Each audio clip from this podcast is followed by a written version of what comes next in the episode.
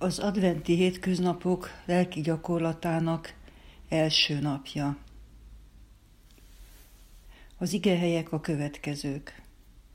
Lukács 1, 26-27, Zsoltárok 139, 1-től 6-ig. A hatodik hónapban az Isten elküldte Gábor angyalt, Galilea Názáret nevű városába egy szűzhöz, aki egy Dávid házából való férfinak, Józsefnek volt a jegyese, és Máriának hívták. Uram, te megvizsgálsz és ismersz engem. Tudod, hogy ülök-e vagy állok. Gondolataimat látod messziről, látsz, ha megyek vagy pihenek.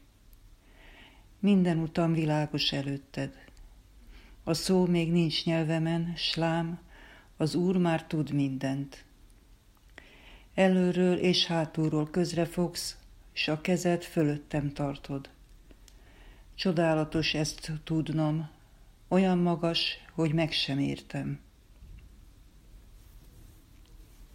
Egy lelki gyakorlat elején mindig segít, ha megállok, és magamra tekintve megfogalmazom, mit várok a mostani lelki gyakorlattól. Mire vágyok? Milyen kérdések, kívánságok vannak bennem? Mit szeretnék Istentől kérni? Hová akarom, hogy elvezessen engem? Milyen Istennel szeretnék találkozni? Milyen számomra az az Isten, aki már készül a velem való találkozásra?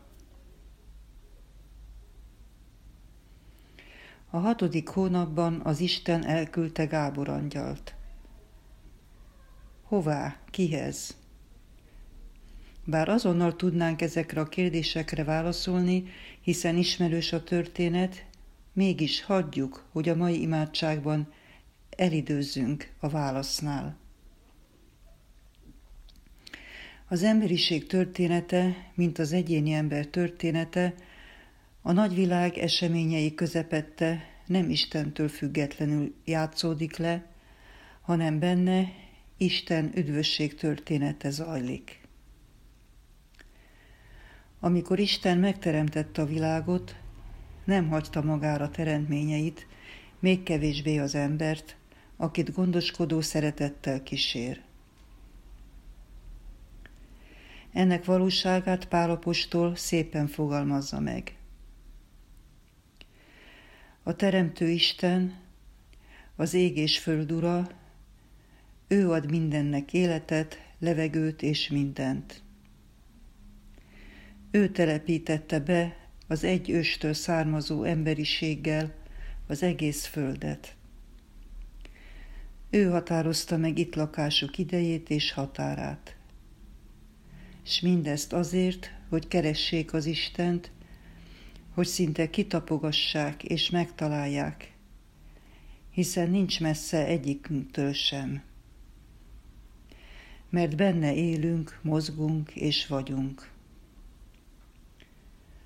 Abcsel 17, 24, 28 Isten, mint a történelem ura, azt is meghatározta, mikor jöjjön el az idő teljessége és megtestesülésének ideje. Isten tetszése volt, hogy egy fiatal lány volt az, aki kulcs szerepet kapott az üt történetben. Egy fiatal lány, aki egy konkrét időben, egy konkrét földi helyen lakott, egy konkrét élethelyzetben, és akinek saját neve is volt.